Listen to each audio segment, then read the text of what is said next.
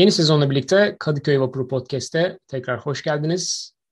Ben Ediposiz, Mehmet Ayan'la birlikte sezonun ilk resmi karşılaşmasını değerlendireceğiz. Hoş geldin Mehmet. Hoş bulduk.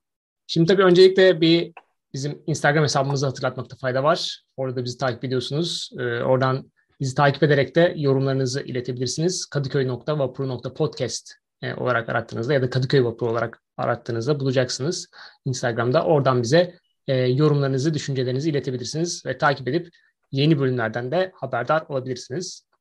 Aynı şekilde Spotify'da ve Apple Podcast'te de bizi takip ederseniz orada da e, bir bildirim gönderiyorlar. Yeni bölümler geldikçe e, haberiniz olur. Ayrıca bize Apple Podcast'te yorumlarınızı bırakırsanız bizi yine mutlu edersiniz. Şimdi öncelikle nerede kalmıştık Kadıköy Vapuru olarak belki onu hatırlatmakta fayda var. En son İsmail Kartal ikinci yap bizi demiştik. O sırada Fenerbahçe üçüncüydü.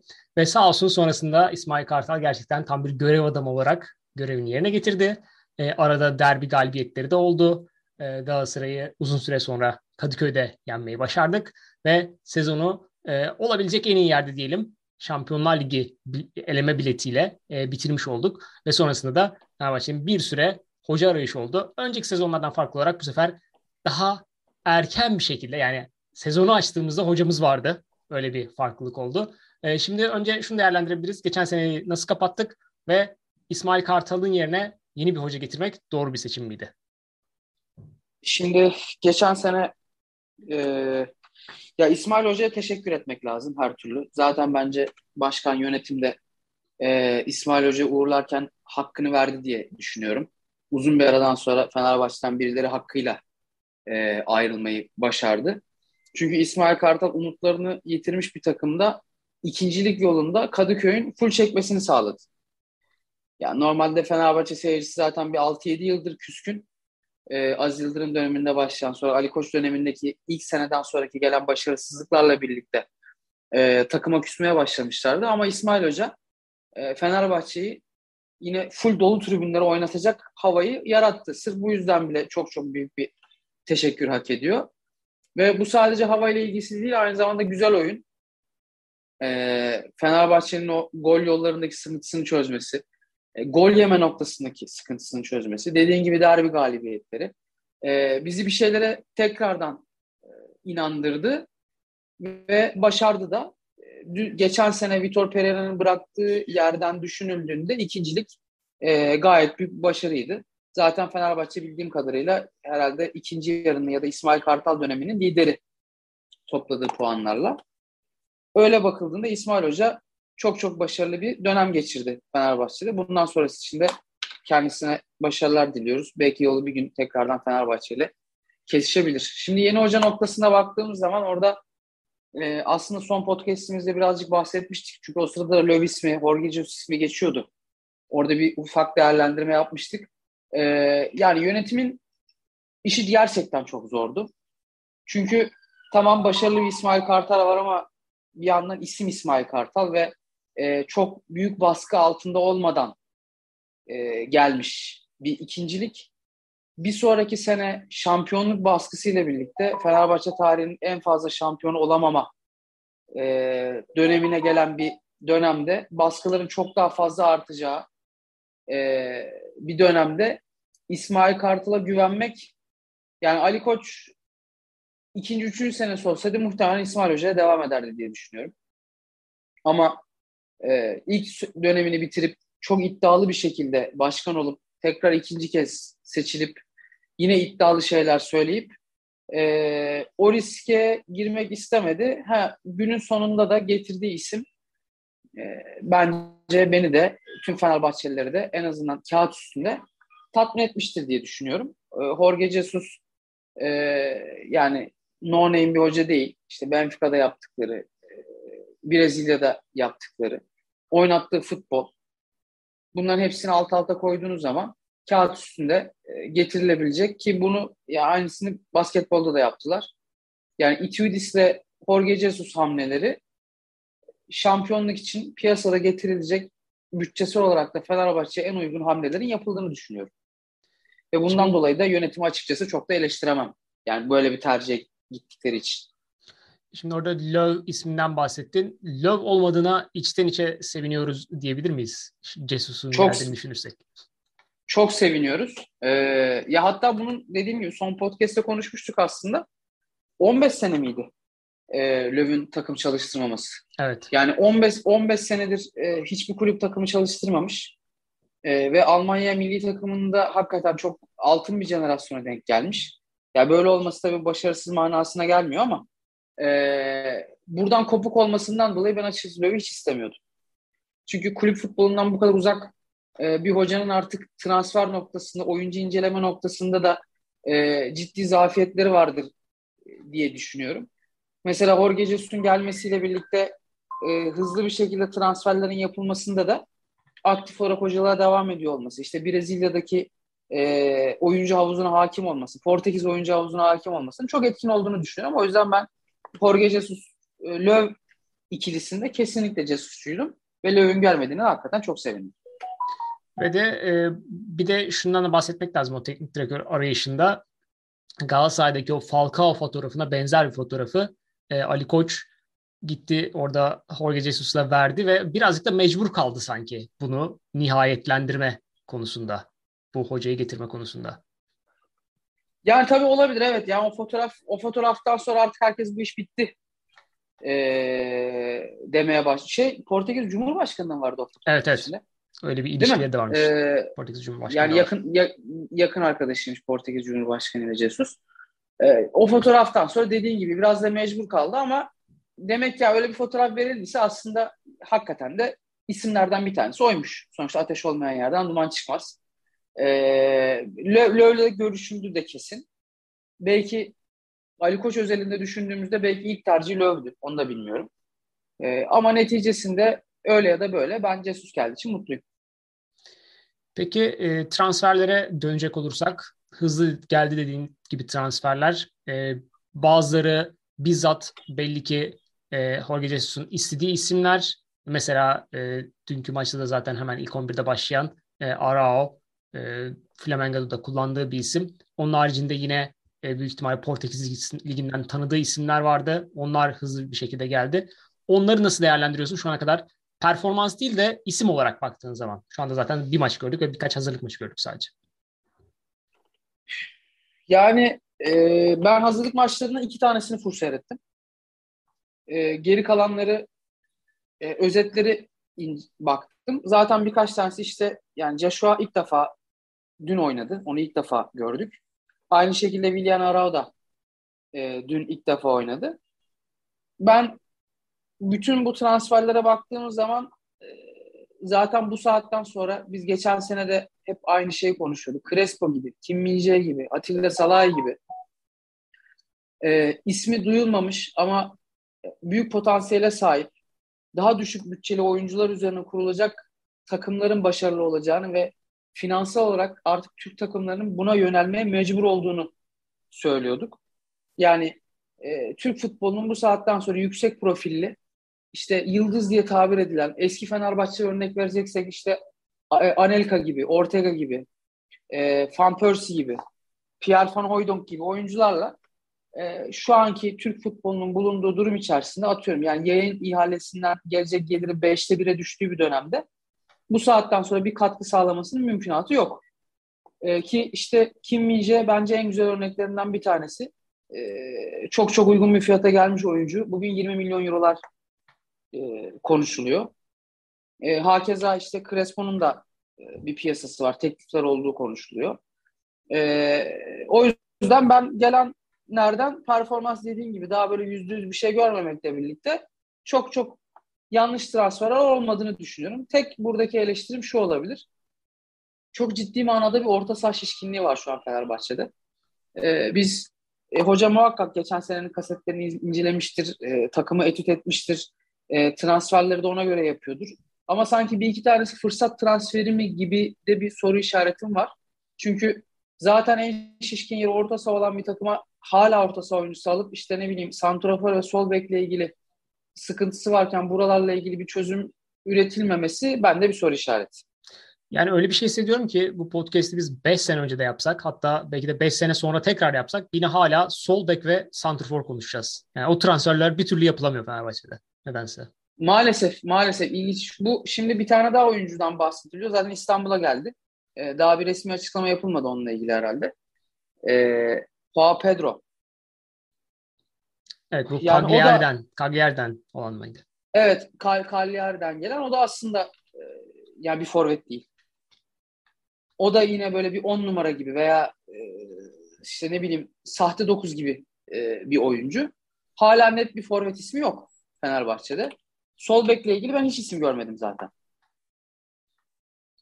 Yine Brezilya'dan birkaç isimden bahsediliyor ama şu ana kadar bir e, sonuçlanmış bir şey yok. Yani Novak yedekte duruyor ve tabii ki Pereira sağ olsun yarattığı bir Ferdi Kadıoğlu var.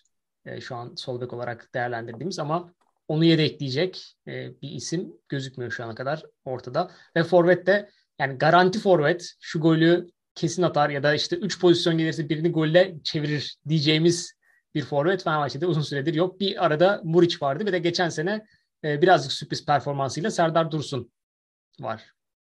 Evet yani şimdi tabii aslında hem bu transferlerle birlikte dün, yani en elimizde net değerlendirebileceğimiz şu an Fenerbahçe'yi konuşabileceğimiz dünkü maç var. Ee, ya biraz aslında dünkü maça da giriş yapabiliriz herhalde ee, yavaş yavaş hı hı. Trans, transfer konuşurken. Şimdi e, dün hani bütün maçta baktığın zaman bence maçın yıldızı Osayi. Yine Vitor Hoca'ya teşekkür edelim. Ee, tabii İsmail Hoca'nın da sağ bekle Osayi ısrarı bence e, bu seviyeye gelmesine çok çok büyük katkısı var.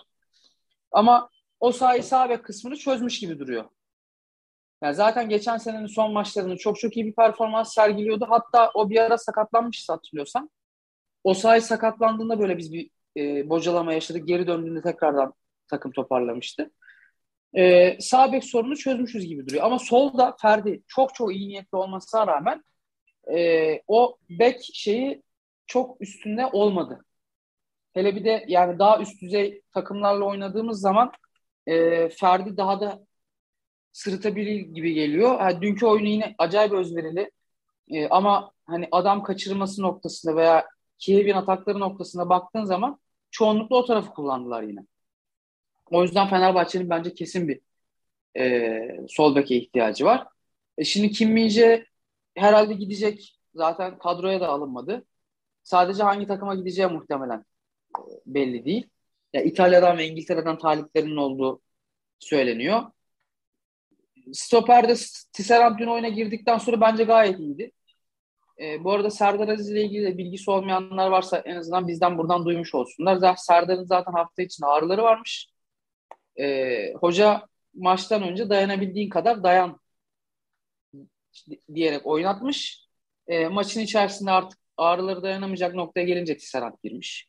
Yani Serdar Aziz'in çıkma sebebi de buymuş. Çünkü ben bir şaşırmıştım hani bir pozisyon da yaşanmadı ne oldu diye. E, sonrasında bu açıklama geldi. Tisserand çok fazla sırıtmadı ama şu an elimizdeki oyuncularla Tisserand, Serdar ve Salahi ile gitmek ne kadar doğru? Bir tane acaba stopere ihtiyacımız var mı? Bu da soru işareti. Ha bunun ben hep savunduğum bir şey var. Türkiye Ligi özelinde. Ya muhtemelen atıyorum şu an hızlıca sorayım. Sen de belki bu cevabı verirsin veya veremezsin bilmiyorum ama geçen sene Trabzonspor'un stoperlerini hatırlayan var mı? Valla ben yani çok, kişi... çok şey Trabzon'dan bildiğim işte ilerideki oyuncularıdır yani. Vakayeme, Aynen. işte Abdülkadir ya burada şey... sonradan parlayan ama stoperlerini bilmiyorum. Ya burada şey örneğini bile verebiliriz. İşte atıyorum yine bizim en rahat şampiyon olduğumuz senelerden bir tanesi Ersun Yenallı şampiyonluk senesinde. E, Fatih Terim'in şampiyonluklarının birçoğunda aynı şeyi söyleyebiliriz. O ilk dört senekiler hariç. E, o zaman iyi bir savunma kurgusu vardı ama sonrakilerdekilerin çoğunu Galatasaraylılar bile ismini hatırlayamayabilir. O kadar çok savunma kurgusu değişti ki şampiyonluklarında dahi. Türkiye Ligi'nde şöyle bir şey var. Sen ileride eğer güçlüysen e, eğer 10-15 dakika içerisinde maçı çözebilecek yetenekte hücum oyuncuların varsa savunmada iyi adamın olup olmaması çok bir şey değiştirmiyor açıkçası. Ee, yine şey de örnek verebilirim. Şenol Güneş zamanındaki Beşiktaş'ın şampiyonluklarındaki stoperleri de muhtemelen kimse hatırlamıyordur. Yani böyle çok üst düzey stoperlerle Türkiye Ligi'nde şampiyon olmuyorsun. Çünkü burası öyle bir lig değil. Yani daha fazla attığın zaman, atanın iyi olduğu zaman her türlü e, şampiyonluğa yürürsün. O yüzden yani şu an transferle ilgili eğer işte iki tane hakkımız var deniyorsa en sonuncusunu stoperden kullanırım. Yani tabii ki santrafor ve sol bek alırım. Stoperi en son düşünürüm. Çünkü Novak stoper de oynayabiliyor bu arada. Ben bir tek orada Serdar Aziz'de çok fazla sakatlık durumları oluyor. Oradan onu bir yedeklemek gerekebilir diye düşünüyorum. Keşke Türkiye'de öyle bir stoper olsa da Türk bir stoperle yedekleseler. Çünkü o Türk oyuncu konusunda Serdar Aziz rahatlatıyor şeyi ilk 11'i ve saha içindeki kararları. Evet. Ee, öyle bir keşke bir stoper olsa da rahatlatsa. Kim konusunda da ben şimdi tekrar sonra dönmemek için bir şey söylemek istiyorum. Kim umarım o satın alma işte opsiyon bedeli neyse o satma bedeli o bedelle gider diye umuyorum. Bunun sebebi de ya bu bir çok güzel bir örnek olacak çünkü sonraki gelecek futbolculara. Fenerbahçe'yi tercih edecek futbolculara. Yani işte 3 milyona gelip 20 milyona gitme konusu zaten planlanmış bir şeyin tamamen uygulanması olacak ve Türkiye Ligi'nde parlayarak bunu yapabileceği diğer oyunculara gösterilmiş olacak. O yüzden bence önemli bir örnek. Kim bu yüzden bu parayla keşke gitse diyorum ben. Ya bu aslında senin söylediğin şeyin biz e, özellikle bir 5 senelik periyotta basketbolda örneklerini sunduk. Fenerbahçe NBA'ye her sene minimum iki tane oyuncu vermeye başlayınca artık e, Avrupa'daki oyuncu havuzu veya NBA'den düşmüş oyuncuların tekrardan oraya dönebilmek için Fenerbahçe'yi tercih etmesi gibi bir durum oluşmuş. Çünkü biliyorlardı ki NBA takımları Fenerbahçe'yi takip ediyorlar e, ve burada kendilerini gösterebilirlerse gidebiliyorlar. O yüzden dediğin gibi e, yani eğer kimde bunu başarabilirsek e, en azından e, buraya gelecek oyuncular noktasında e, çok büyük katkısı olur. Yani kesinlikle katılıyorum buna. Dün de Salah'ı e, o eski ilk senesinden de birazcık izlenimler verdi sanki. Böyle onun da birazcık kafası rahatlamış gibi e, böyle bir kendisini şu anda kim gidecekse ilk 11'in stoperlerinden birisi olarak görüyor sanırım. O yüzden ekstra bir özenle oynadı dün. Kiev maçında. Abi Salay noktasında biraz şöyle bir şeyler oldu. Bir, bir, bir kere sakatlık yaşadı. Bir milli takıma gidip orada sakatlanıp döndüğü bir dönem var. Oradan sonra ciddi bir performans düşüşü yaşamıştı. Sonrasında da şöyle bir şey vardı. Belki bununla konuşmuş olabiliriz ama çok fazla transfer dedikodusu çıktı onunla ilgili. İşte talipleri var, izlemeye geldiler, gidecek şöyle böyle falan filan diye. Bu biliyorsun bazı oyuncuların ayarını bozabiliyor. Yani transfer söylentileri çok arttığı zaman e, kafa böyle karışıp artık buradaki konsantrasyonu dağılabiliyor. Bence Atilla'da öyle bir olay oldu. E, ama şimdi tekrardan e, hani burada kalacağı artık buranın bir parçası olduğuna kanaat getirdiği için bence çok dün dün itibariyle çok özverili oynadı. Tabii çok fazla atakla karşılaşmasak da en azından karşılaştığımız ataklarda elinden geleni yaptı. Ki bir tane hani 10 numara stoper kesişi bir pozisyon var. Golde olabilirdi bu arada. Şimdi maçı konuşurken... Kayarak yaptığı müdahale. Evet mesela orada çok iyi bir şekilde adamı kovaladı ve o hareketi, o hamleyi yaptı, kritik hamleyi. Şimdi maçı konuşurken e, bir de şu e, meşhur üçlü sistem, dörtlü sistem geçen senenin popüler konusu. Büyük ihtimalle şu an Beşiktaş'ın yeni hocasıyla tekrar yine konuşulacak konulardan. Ve işte Pereira'nın e, tefe konup gönderilmesine sebep olan üçlü defans Jesus'la aslında gizli bir şekilde geri dönmüş gibi gözüküyor. Dünkü maçta da bunu net bir şekilde gördük. Arao'nun libero yani ön libero değil resmen libero gibi oynadığı anlardan. Ya biz ekranda herhalde Arao'yu her gördüğümüzde ekrana en fazla stoperlerin arkasında gözükmüştür. Ee, zaten seninle de dün konuştuk bunu. Hani adam sürekli stoperlerin arkasında duruyor diye. Ee, işte bekleri ileri çıkartıp e, Osayi ve şeyi Ferdi ileri çıkartıp Arao'yu şeylerin stoperlerin arasına alıp üçlü sistem gibi bir oyun oynuyor. Yani kağıt üstünde ilk oyuna başlarken 4-4-2 gibi dur- dursa da e, oyunun içerisinde 3-5-2'ye dönen bir sistemle oynuyor. Ama tabii hani Fenerbahçe'de ne yaparsa yapsın hoca 4-4-2 oynasa niye 3'te oynamayacak diyecek bir sürü adam var. 3'te oynadığında niye 4'te oynamayacak diyecek bir sürü adam var. Çok takılmamak lazım. Bir de şunu da belirtmek lazım. Arao'yu e, Flamingo'da da aynen bu şekilde kullanıyordu ve büyük ihtimalle bu sistemi direkt uygulayabilmek için onu özel olarak getirmiş gibi gözüküyor. Umarım e, burada hızlı bir şekilde diğer o pas trafiğini yaratacak isimleri de e, Flamengo'da oturttuğu o sistemi burada da yapabilir diye umuyorum. Ya ben bu arada dünkü oyununu hakikaten beğendim. Adam e, ya çok temiz oynuyor belli. Bir de şey yani ben maçın başındayken e, şöyle düşünmüştüm. Adamın işi şöyle çok zor. İdmana kaç kere çıktım takımla ve bulunduğu mevki itibariyle şimdi futbolda şöyle şeyler var. Bir kanat oyuncusuysan e, sıfırdan geldiğin bir takımda belki daha rahat oynayabilirsin ama bulunduğun pozisyon itibariyle hem savunma hem ileriyle bağ kuracak adam olanın takımla daha fazla uyum içerisinde olması lazım. Yani kimin nereye kaçtığını bilecek, kim nereyi tutabilecek. Adam bunu bilmeden oynayıp bence çok temiz. Ee, böyle hem gösterisiz ama yaptığı hamleler çok yerinde, çok düzgün. İleri çıkışlarında çok doğru yerlerde çıktı. Çok doğru paslar attı. Ee, ben yani çok memnun kalacağımızı düşünüyorum. Bir yandan da hani gördüğüm, dünkü maçta gördüğüm profiliyle şöyle de bir umut var. Ee, biliyorsun yani Aykut Kocaman zamanında başlayan bizde iki tane çift ön libero sistemden biz bir türlü kurtulamadık. Böyle iki tane defans ön liberoyla.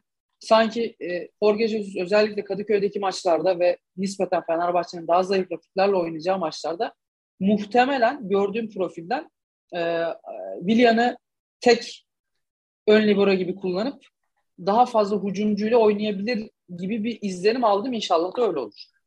Ya eskiden hani daha zamanında Aurelio ile Fenerbahçe'nin yaptığı gibi. Evet, yani Aurelio arkayı kom tek başına topluyordu orada. Ee, böylece daha fazla orta sahada hücuma yönelik daha fazla adam oynatma opsiyonumuz oluyordu. Ama bir yerden sonra Aykut Kocaman'la birlikte biz sürekli iki tane defansif ön libero ile oynamaya başlayıp bundan da bir türlü kurtulamadık. Belki orada da şu an için tabii idmanlardan duyuyorduk ama sezonun ilk resim maçına ilk 11 başlamasıyla sürpriz isim İsmail Yüksek. Onu da konuşabiliriz. Süper. Yani çok e, teşekkürler. Güzel yerde açtın.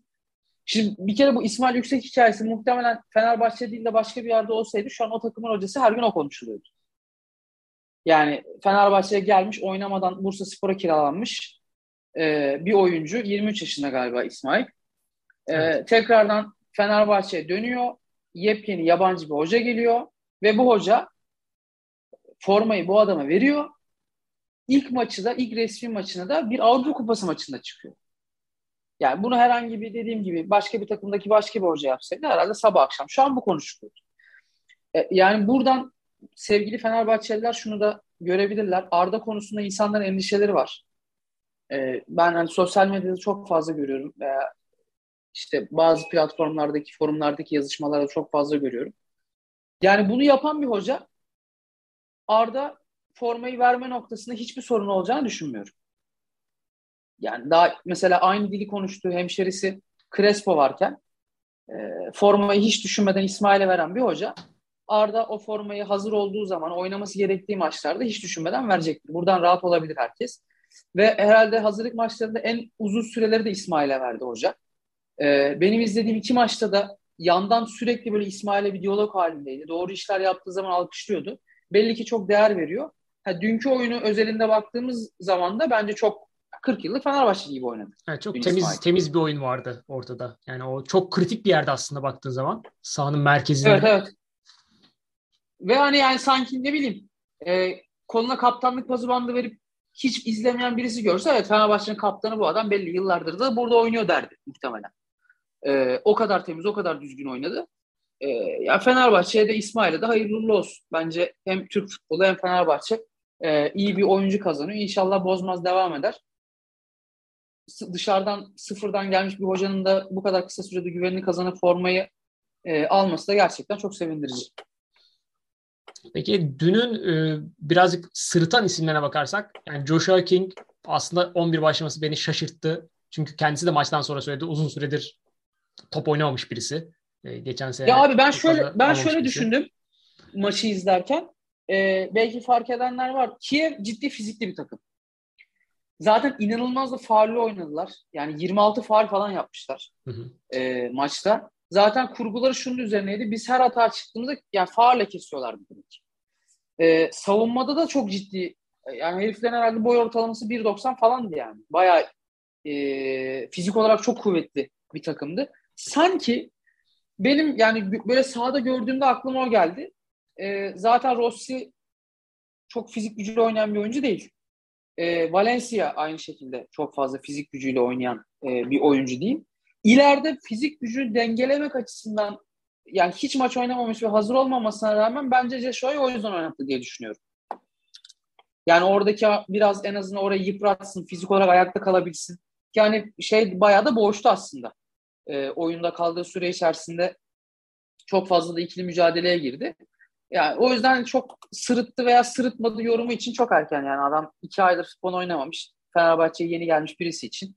Yani şu an herhangi bir yorum yapmak bence çok yanlış olur.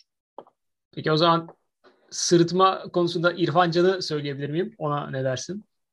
Yok ona kesin katılırım. İrfan'a yüzde yüz katılırım yani. Ya şimdi şöyle söyleyelim. Ee, İrfan aslında biraz geçen sene de sırıtıyordu. Ee, biz bunu konuşuyorduk da. Ee, tabii uzun süren bir sakatlık dönemi de oldu geçen sene. Sakatlıktan döndükten sonra İsmail Hoca da ciddi manada e, İrfan'a şans verdi. E şimdi yeni bir başlangıç, yeni bir hoca. E belli bu hoca da sonuçta güvenmiş de ya o pozisyonda oynayacak Fenerbahçe dün yedeklerde de yedeklerin haricinde de aslında bir sürü adam var. Şimdi mecburiyetten oynamış falan değil dün. Mesela dün İrfan'ın oynadığı mevkide Burum oynayabilirdi. Lincoln oynayabilirdi. Ee, Emre Mor oynayabilirdi. Hatta Crespo Zayt bile oynayıp orta saha üçlü hale getirebilirdi hoca. Ama İrfan'a güvenip e, formayı İrfan'a vermiş. Ama o güvenin karşılığını verebildi mi? Bence veremedi. Ee, yani ikili mücadelelerde kayıptı. Ee, Birçok kere böyle 2-3 oyuncunun arasına girip e, kayboldu. Çok fazla pas hatası yaptı. Ya tabii hani böyle gömecek değiliz. Yani yine sosyal medyada saçma sapan e, insanlar böyle yorumlar yapmış. Sonuçta Fenerbahçe'nin futbolcusu. E, kasıtlı sabote ettiği bir şey de yok yani. Adamın suç günahı olan bir durum yok ama e, beklediğimiz katkıyı vermedi. Yani ciddi paralara gelmiş. E, alınırken çok ciddi sansasyonel ve e, hani takımda işte Mesut gibi, Ozan gibi adamlar gönderilip bunlar şey yapılırken e, İrfan yine ilk resmi maçta ilk 11 çıktığı bir yerde ben daha fazla katkı vermesini beklerdim açıkçası. Yani o bahsettiğin işte Mesut ve Ozan'la bildiğimiz gibi onlar bir şeyleri vardı, bir kankalıkları vardı. Hatta gittikten sonra da birlikte verdikleri pozlar da var. Belki işte kafasında hala onlarla ilgili bir şeyler olabilir. Çünkü şu anda baktığın zaman bir sürü yeni isim var. Ama bir anda silkelenmesi lazım ve en azından Mert Hakan'la birlikte bu takımın önemli yerli futbolcularından bir tanesi o şeyi orada üstlenmesi lazım diye düşünüyorum. Mesela dünkü maçta Mert Hakan sakat olmasaydı ben İrfan Can'ın yerine kesinlikle Mert Hakan'ı tercih ederdim dünkü oyuna bakınca. Ya sadece şunu düşünüyorum dünle ilgili. Yani İrfan ya biraz sağ gibi oynadı ya. Hı hı. Ee, yani tam sağ açık gibi de oynamadı gerçi ama sağa daha yakın oynadı. Yani pozisyonla ilgili de bir sıkıntısı var bilemiyorum. Yani çünkü daha çok herhalde 8-10 oynamayı daha çok seviyor. Dün biraz Kanada daha yakın, açığa daha yakın bir pozisyonda oynadığı için mi sıkıntı yaşadı diyeceğim ama e, ya inşallah düzelir. Çünkü o formayı şu an alabilecek arkada çok adam var Fenerbahçe'de. Evet, dünün bir de iyi oynayanlarından bence o dediğin gibi aralara girip bazen kaybolsa da Rossi ileride sürekli hareketlilik yaratan isim Rossi'ydi dünkü karşılaşma. Kesinlikle. Yani hücumda çok etkin değildik ama Rossi orada güzel bir şekilde e, etkinlik yaratmaya çalıştı en azından. Yani ben yani bütün maçın genelinde direkt aklımda kalan iki tane adam. E, bir tane bir numaram Osayi. Yani hem özveri desen inanılmaz. E, ondan sonra katkısı inanılmaz. Bunların hepsini birden düşündüğüm zaman bir numaram Osayi, iki numaramda e, katılıyorum sana Rossi olur kesinlikle. Yani onun dışında dediğim gibi zaten savunmada Atilla işini yaptı, görevini yaptı. Tisserand Serdar'ın yerine girdikten sonra bence o da gayet iyi oynadı ve hani ileriye çıkışları falan da iyiydi. İsmail hiç sırıtmadan dört dörtlük. William hiç sırıtmadan dört dörtlük ki ilk maçı yani o yüzden de ekstradan bir e, artı puan yazar. Ferdi zaten söyledik özveriliydi. E, bir sıkıntı yok. Yani göze batan bir Joshua'dan bir ekstra bir şey göremedik. E, Valencia da dün herhalde çok böyle Valencia biraz çok kendini bulmaya çalışıyor sanki. Çünkü o da geçen sene bu Fenerbahçe'nin yükseldiği dönemde çok etkin bir rol oynamadı aslında baktığın zaman. Dolayısıyla şu anda o da tekrar yani geçen sene geçirdiği, geçirdiği sakatlıkları düşününce şu an tekrar bir kendini bulmaya çalışıyor gibi şu anki ortamda. Ya öyle öyle öyle bir durum var gibi duruyor. Sonradan oyuna girenlerden de e, ya benim bütün bu transferler içerisinde zaten en çok kafamdaki soru işareti Buruma'da. Ben de. Yani çünkü hazırlık maçların izlediğim ve sonradan özetine baktım hazırlık maçlarında da baktım böyle ya Buruma'dan bir şey göremedim açıkçası. E, bence Lincoln iyi bir oyuncu. e, yani dün de herhalde girdikten sonra hani girmeseydi demezsin. Bir hareketlilik kattı oyuna girdikten sonra. Ha dün bu arada hazırlık maçlarından daha iyiydi Buruma bence. Ama Buruma'da şöyle bir risk var. Hoca da bence şunun farkındadır. Yani böyle bir maç 10 oynayıp 3 maç 2 oynayabilecek bir adam gibi Buruma. Öyle bir risk taşıyor gibi geliyor bana. Şimdi bütün isimlerden bahsettik. Bir tane isim kaldı. Altay.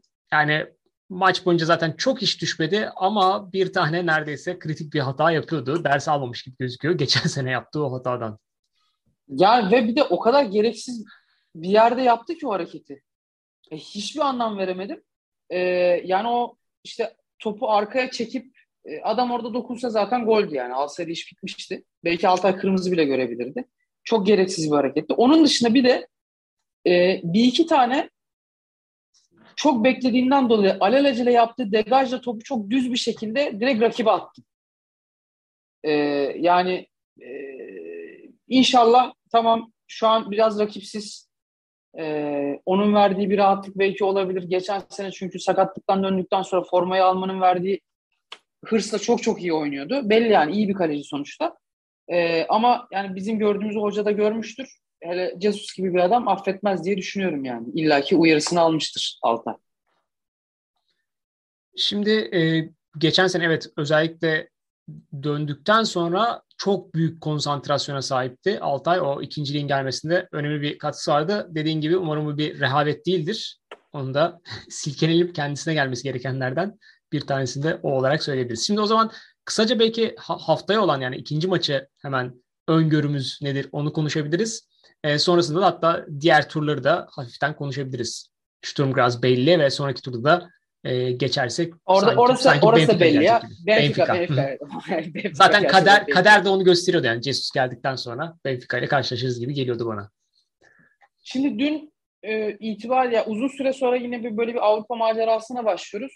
E, bilmiyorum ya ben maçı çok rahat izledim. Zaten bugün e, birçok yorumcu da aynı şeyi söylemiş. Fenerbahçe uzun bir aradan sonra bu kadar erken bir sezon açılışını çok hazır gözüktü diye. E, bence de öyle. Bayağı güven verdi. Bilmiyorum yani ben maçın içerisinde hiçbir noktada korkmadım. Bir tane galiba böyle bir gol olacak gibi güzel bir vuruşu vardı Kiev'li oyuncuların. Böyle köşeye doğru gidiyordu. O çok az farkla e, gol olmadı. Bir de işte o Altay'ın yaptığı riskli hareket var. Onun haricinde zaten düzgün bir pozisyonları da yok öbür tarafın. Tabii bu işte bu rakipten mi kaynaklanıyor? Onların uzun süredir maç yapmamasından mı kaynaklanıyor? Ona rağmen Fenerbahçe evet istediğini yapan hücum haricinde yani o gole ulaşma dışında istediğini yapan bir takım gibiydi. Evet yani o yüzden hani atıyorum golü de yesek sanki ben e, ya biz bunu döndürürüz çıkarırız gibi bir düşünceye sahip izledim maçı 90 dakika boyunca. E, ya maçın sonlarına doğru gelirken de hani 0-0 giderken artık 0-0 bitse de veya ben hep şöyle düşündüm dedim ki ya Kadıköy'de biz full statla ki yani muhtemelen tıkma tık dolu tribünlerle oynayacak Fenerbahçe. E, ben bu turu geçeriz diye düşünüyorum. E, hani gör, görüntü itibariyle Kiev'den iyi takımız. Sadece eğer hani daha iyi bitiriciliğimiz olsaydı dün muhtemelen ilk tur yani ilk maçtan bile işi bitirebilirdik.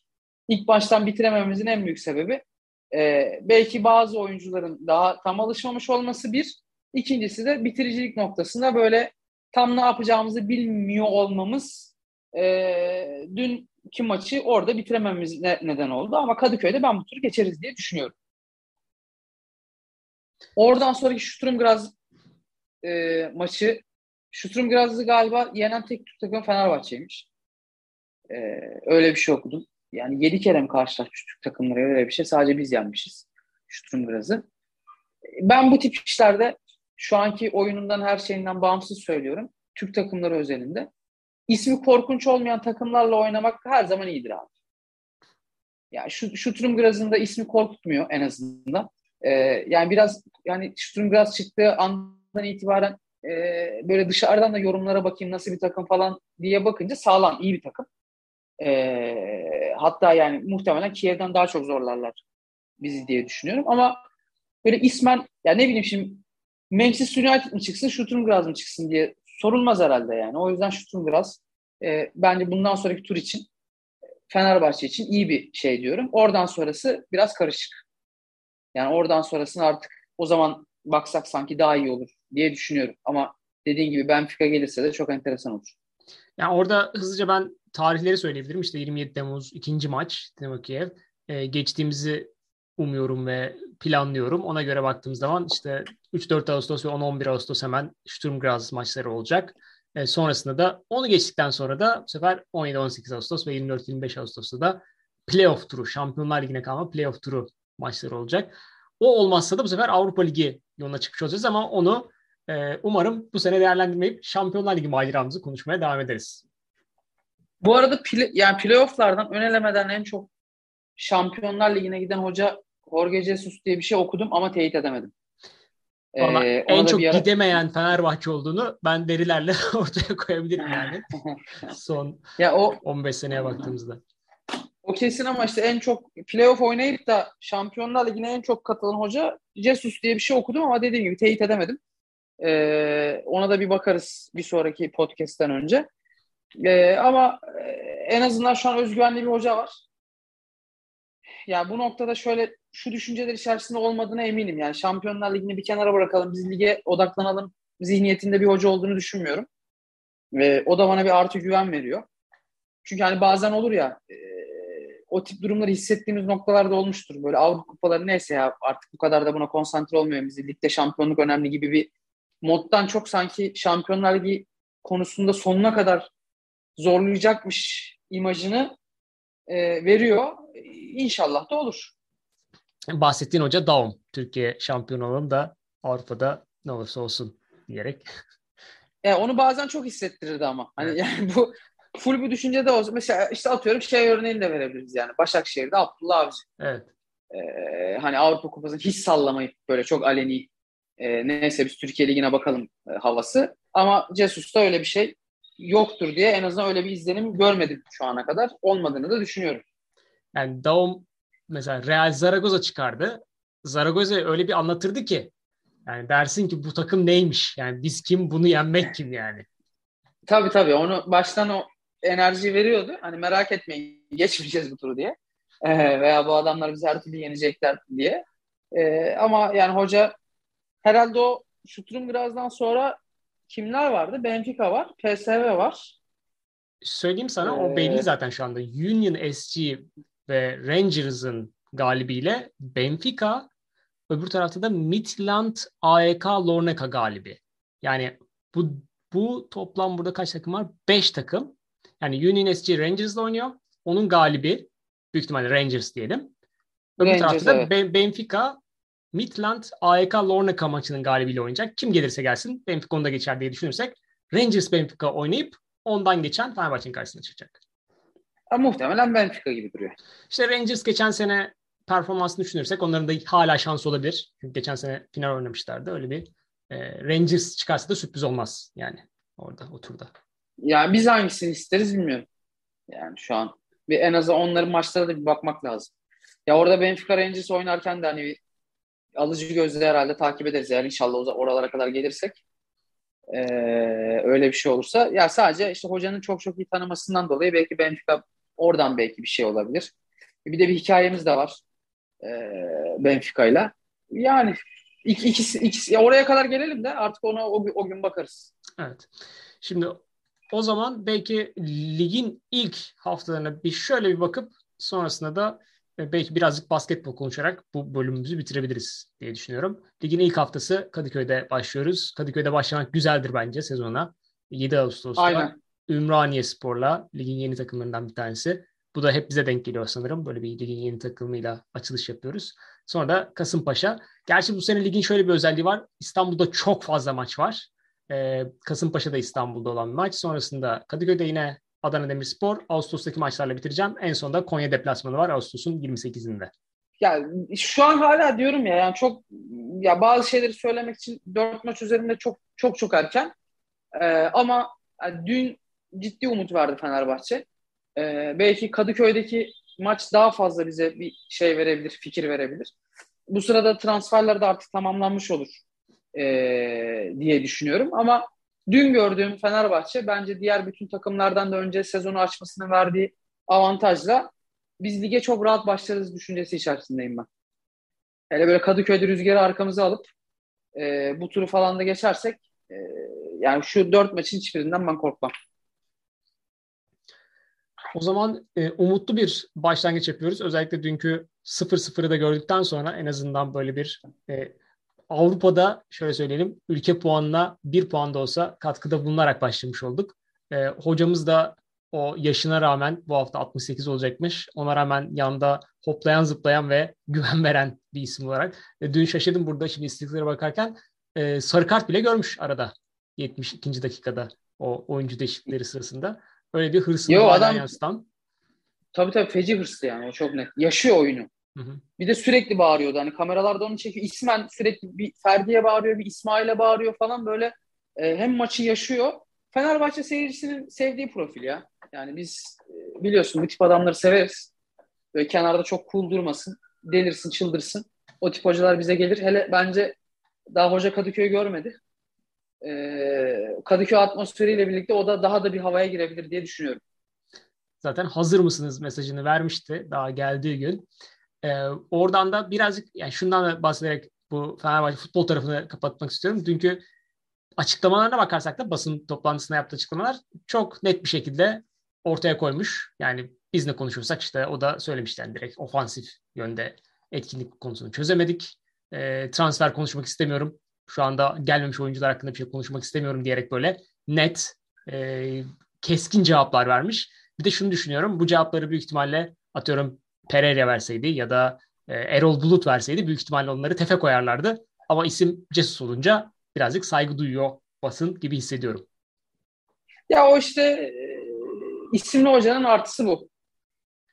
Ya şimdi orada bazı biliyorsun bizde e, basında da böyle zıp, zıp çıkçı orada saçma sapan bir soru sorayım da ön plana çıkayım diyecek adam çok.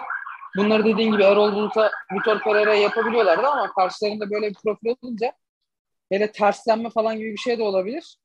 Ee, öyle bir şey çok çok cesaret edemiyorlar şu an için. Hele bu oyun skorlar falan da gelirse e, öyle bir şeye hiçbir zaman cesaret edemeden sezonu bitiririz diye düşünüyorum. Peki e, basketbol tarafından biraz bahsedersek yeni hocamızdan isminden bahsettin. Nedir görüşlerin, e, takım kurgusu, gidenler oldu, e, gelenler tam henüz belli değil tamam ama e, yeni sezona bakış Euroleague'de umudumuz bu sefer en azından playoff konusunda olacak mı? Yani şimdi tabii şu çok net Fenerbahçe kağıt üstünde alabileceği en en iyi hocayı aldı. E, Ituidis'i. Hatta Real Madrid'de Pablo Lasso sağlık sebeplerinden dolayı bıraktı. E, o biraz daha erken olsaydı belki de Ituidis Real Madrid'e bile gidebilirdi.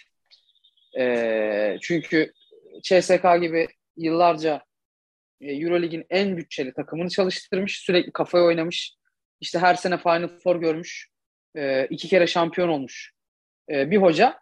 E, ya bizim işte olursa playoff olmasa da canımız sağ olsun. Türkiye Ligi'nde şampiyon olmaya gayret ederiz. Vizyonuyla gelmez Fenerbahçe. O yüzden ben bir kere Itudis geldiği için mutlu oldum zaten. Dedim ki demek ki hedefler sunulmuş. E, bütçeden de kısıntıya gidilmemiş diye düşündüğüm için Itudis'ten mutluyum. Sonuçta büyük bir isim. E, bir de Obradovic tedrisatından geçmiş.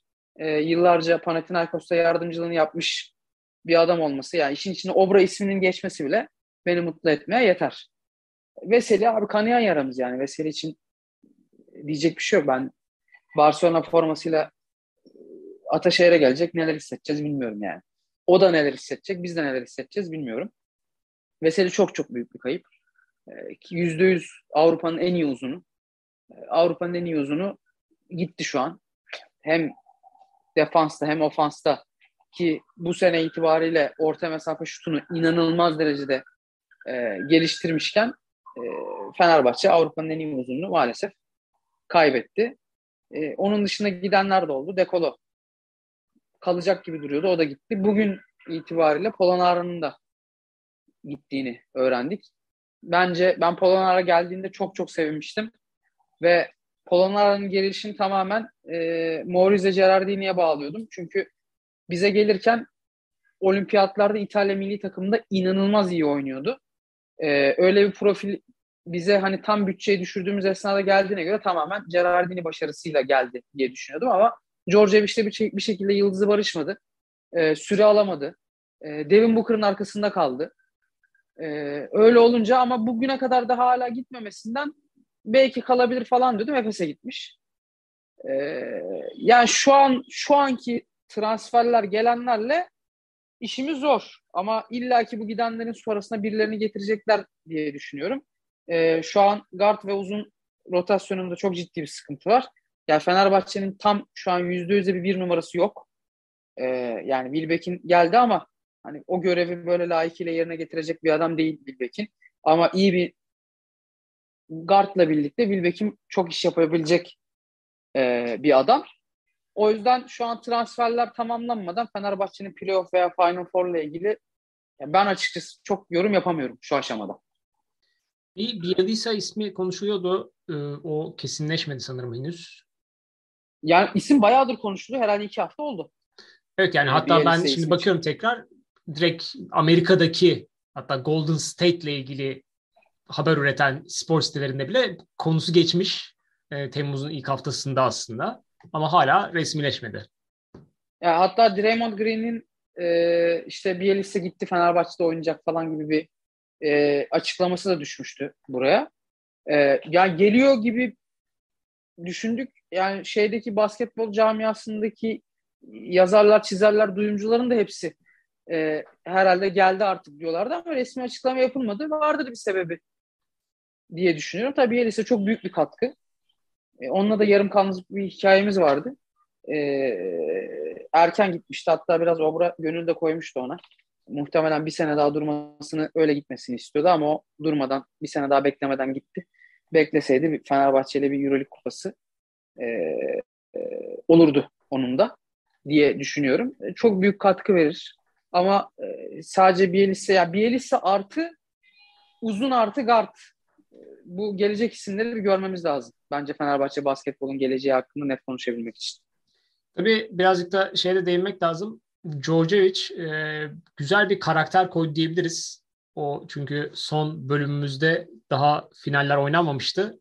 E, gerçekten Türkiye basketbol ligi finallerinde gideceği büyük ihtimalle yani %90 belli olmasına rağmen çok iyi bir şekilde takımı toparlayıp o finallere konsantre edip e, uzun süre sonra bir şampiyonlukta yaşatmış oldu Djordjevic. Ya abi şimdi orada da şöyle bir şey var. Djordjevic'in adam geldiğinde zaten bu takım onun takımı değildi. Bu takım Igor Kokoşkov'un takımıydı.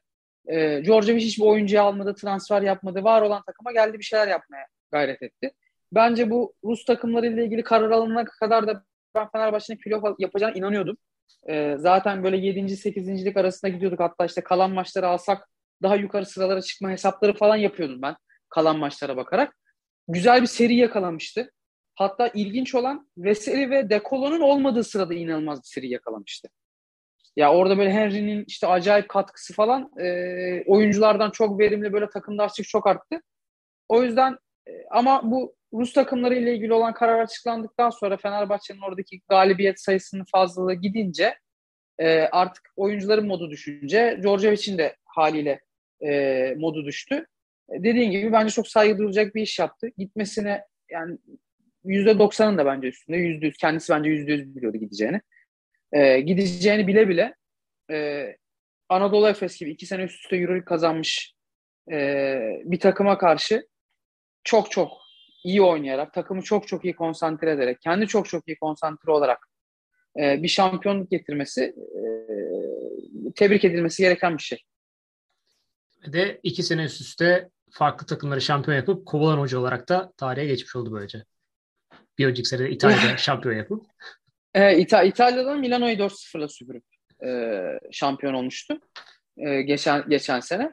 Ya Djordjevic daha gelirken e, ondan evveliyatıyla ilgili de ya çalıştığı takımlarla ya yönetimle bir huzursuzluk yaşayan, e, uzun süreli kalamayan, biraz uyumsuz, biraz huzursuz bir hoca gibi söylentiler yapılıyordu ama ben Fenerbahçe kariyerine baktığımda adamı herhangi bir şeyden suçlayamam diyorum. Yani takım onun değil. E, onun olmayan bir takımda elinden geleni yaptı. Bir de üstüne işte Rus takımlarıyla ilgili olan karar çıkınca e, ben bu senede ya hiçbir şeye ona günah yazmam. Üstüne de bence adam şampiyon da yaparak e, misyonu tamamladı derim. O yüzden Djordjevic'e kırgınlık değil, saygı ve sevgi duyarım. Bence herhangi bir takımın başında Ataşehir'e geldiğinde de çok hoş karşılanacaktır diye düşünüyorum taraftar tarafından. Evet o şampiyon yapan hocalar kolay kolay unutulmaz. Son olarak belki formalara değinebiliriz. Futbol takımının formalarına. Öyle de bu bölümümüzü bitirebiliriz. Nasıl gördün? Dün sahada görmek farklı olur çünkü formaları. Ya abi çubuklu çubuklu. Bence hani bir de şey etkisi var. Ya arka tarafını hala beğenmiyorum formanın bu arada. Ee, yani o isim numara yazan kısım çok hoşuma gitmese de ön o taraftan... biraz mecburi galiba. Bildiğim kadarıyla evet, onun evet. hakkında kurallar var. Mecburen öyle yapıyorlar. Kural evet. Ee, ya işte ön tarafta bence bizim şöyle bir artımız var. Avis reklam konusunda Ali, Koç'tan gelen bir şeyle bence çok naif davranıyor. Formayı bozmadan bir reklam koyuyoruz oraya biz. Hı hı. Yani beyaz fontlarla sadece isim yazması bence çok hoş duruyor. Ya orada böyle bir dörtgen içerisinde falan bir reklam olması formanın bütün ihtişamını götürüyor diye düşünüyorum. Ee, o yüzden o güzel. Bir de birkaç tane şey yorumu görmüştüm. Hani kolları açtığın zaman bayrak gibi duruyor. Ee, forma gibi bir yorum vardı. Ona da sonradan dikkat ettim tanıtımda. Ee, ya bence çubuklu olmuş. Ee, ben lacivert formayı çok merak ediyorum. Hatta kısa zamanda bir Feneryum'a uğrayıp o lacivert formayı yakından görmek istiyorum. Ee, başkan da hatta e, düğünde al giy dedi lacivert forma için. Lacivert Ee, formadaki o damalı efekt de aslında bayrağın sallanması efektiymiş. Dolayısıyla bu sene iki formada bir bayrakla ilgili bir yaklaşım var. Yani o sarılı beyazlı formaya çok anlam veremedim açıkçası. En Yani tartışılan da sanırım o zaten. Yani üzerindekiler kanarya tüyü olduğu söyleniyor. Bu sefer de dalga geçilme ihtimali var. Tüyleri koparılmış kanarya olarak. Ama o da bir yandan işte e, Cihat Arman'a saygı olarak üretildiği söyleniyor. Ya bir şey bazen de biliyorsun hani ilk başta şey yapandan sonradan göze çok hoş gelebilir. İşte onu da sahada şey- görmek lazım gerçekten. Bir de bazı formaların şöyle şey esprileri olur ya. Yani çok acayip bir maçta o forma giyilip o maç kazanılır ve e, o forma artık taraftar için çok anlamlı hale gelir. Yani ne bileyim işte Benfica'nın deplasmandaki maçta o forma giyilip ondan sonra tur geçilirse falan mesela yılın forması o- o- ona dönüşebilir bir anda. E, öyle bir şey var. O yüzden hem sahada görmek hem de o sahada gördüğüm maçın da ne getireceği bence çok önemli. Taraftarın formayla ilgili düşüncelerini. Bu arada yine Fenerbahçe herhalde e, açılış rekoru kırmış şeyde forma satışında. Ee, daha önceki kendi olan rekorunu egale etmiş yani. Satışa çıktığı andan itibaren işte satışa çıktığı gün sayısına göre en fazla satılan forma e, olmuş. Fenerbahçe serisi bu noktada her sene e, umut olsun olmasın e, gereğini yapar. E, biz de yapacağız inşallah en kısa zamanda. Ben tabii formalara da ilgisi olan birisi olarak şunu söyleyebilirim. Yani Galatasaray %100 polyester bir replikayı 800 lira gibi fiyata satıyor. Fenerbahçe gayet giyilebilir bir replikayı. Sonuçta o da futbolcuların giydiği formanın aynısı değil ama sonuçta e, baktığın zaman daha kaliteli bir replikayı 630 lira gibi fiyata satıyor. E, dolayısıyla o konuda birazcık şanslıyız diye düşünüyorum. Yani Beşiktaş'ınki de benzer fiyat Fenerbahçe'ninkine. E, Beşiktaş da 600 liraya satıyor. E, tabii ki geçen sene 385 lira olan şey şu anda Türkiye'deki o enflasyon ortamı sebebiyle 600 liraya çıktı ama e, Galatasaray'ın yıllardır o üst, aşırı fiyatını düşününce Fenerbahçe o konuda birazcık şanslı diye düşünüyorum. Bir de Gayet şey kaliteli gördüm e, galiba futbolcu formalarından da sınırlı sayıda satılacakmış. Evet orada da bir hatta taraftar forma üzerinde baskı, fotoğraf baskısı gibi bir çalışma da var orada. Güzel bir çalışma var. Yani böyle 1907 TL'den mi sanki yani başkan öyle bir şey açıklamıştı. Ee, ama ya bence fiyat Türkiye şartlarını şu an düşürdüğümüz zaman evet, normal bir fiyat yani. Ee, şık da gözüküyor. Dediğim gibi daha yakından gidip bakamadım. En kısa zamanda bir Feneryum'a uğrayıp yani yakından da bakacağım. Şu an sanki yani bir çubuklu bir lacivert alacakmışım gibi duruyor. O zaman formalar şimdiden hayırlı olsun. Artık e, yazdıracağın ismi de sene içinde performansa göre belirlersin diye düşünüyorum. Belirli inşallah. Çünkü eskiden daha kolay olurdu. Anelka geldiği zaman Anelka yazdırmak daha kolay olurdu ama şimdi birazcık performansa göre artık. Şu an bu sene herhalde en çok yazdırılacaklardan biri Arda olur diye düşünüyorum Fenerbahçe serisi şeyinde. Evet onunla ilgili Ee, güzel şeyler vardı böyle. Çocuklar kendi tişörtlerinin arkasına bile Arda yazmaya başlamışlar. Ee, böyle bir Yani- gerçekten sembol olmaya başladı. Ee, umarım o iyi performansını sürdürür kafası karışmadan. İnşallah. İnşallah, inşallah, inşallah. O zaman uzun süre sonra yaptığımız Kadıköy Vapuru podcast'in bu bölümünü yavaş yavaş kıyıya yanaştıralım. E, bu sene bol bol Fenerbahçe konuşacağız. E, sadece futbol değil, diğer dallardan da vakit buldukça ya da e, o günün koşullarına göre konuşmaya devam edeceğiz. E, bizi Instagram'dan takip edebilirsiniz kadıköy.vapur.podcast adresinden ve e, diğer podcast platformlarında da bizi takip etmeyi ve değerlendirmeyi unutmayın. E, dinlediğiniz için teşekkürler. Fener Kadıköy'deki Dinamo Kiev maçından sonra turu geçmiş bir şekilde diğer podcast'imizde görüşmek üzere diyelim. Bir sonraki bölümümüzde görüşmek üzere.